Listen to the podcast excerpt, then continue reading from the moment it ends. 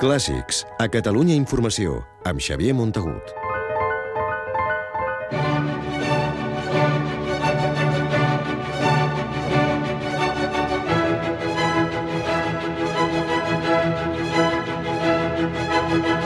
El mestre Jordi Savall, el músic més internacional del país, ha tornat al Liceu de Barcelona per dirigir Il Burbero di Boncuore, del compositor valencià Vicent Martí Soler, que a la seva època, final del segle XVIII, va tenir més èxit que el seu conegut Wolfgang Amadeus Mozart.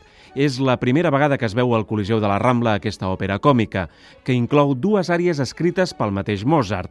Les va compondre tres anys després de l'estrena per al personatge de Lucilla i pensant en la soprano Louise Villeneuve.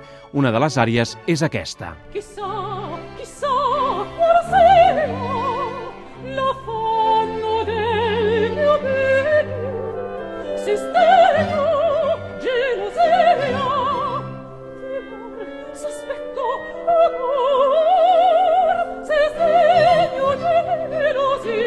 Vicent Martín i Soler és el compositor espanyol d'òpera més important del classicisme.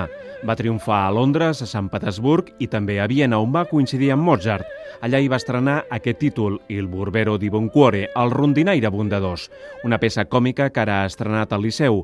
200 anys després l'ha recuperada de l'oblit, amb l'ajuda del mestre Jordi Savall, que és un gran coneixedor de l'obra del compositor valencià el considera el nostre Rossini. Diu que Martini Soler és innovador perquè incorpora a la partitura melodies populars de la seva cultura, com les tonadilles, i va aconseguir l'èxit de manera immediata perquè amb la música defineix clarament el caràcter dels seus personatges.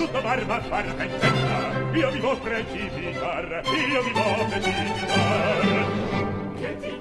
El muntatge d'Il Burbero di Boncuore, que es pot veure aquests dies a Liceu, és actual. Està ambientat en una mena d'hotel fonda, on constantment entren i surten els personatges.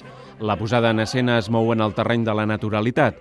La firma la francesa Irina Bruch, filla del director de teatre i cineasta Peter Bruch, que es manté fidel al text per acostar-se a la psicologia dels personatges. Parola, parola d'onor, nipote mio caro,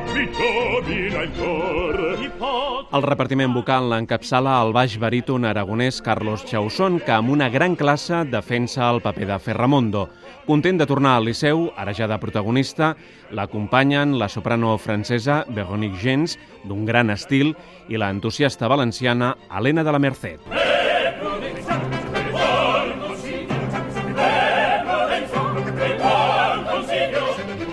Il Burbero di Boncuore estarà a Liceu fins al 6 de febrer. La funció de dimarts que ve es transmetrà en directe per Catalunya Música i per mostrar el lligam de l'obra Mozart, el Gran Teatre de la Rambla l'alternarà amb les quatre representacions programades de les noces de Fígaro, en el muntatge de Lluís Pasqual, que ja s'hi va veure fa tres temporades.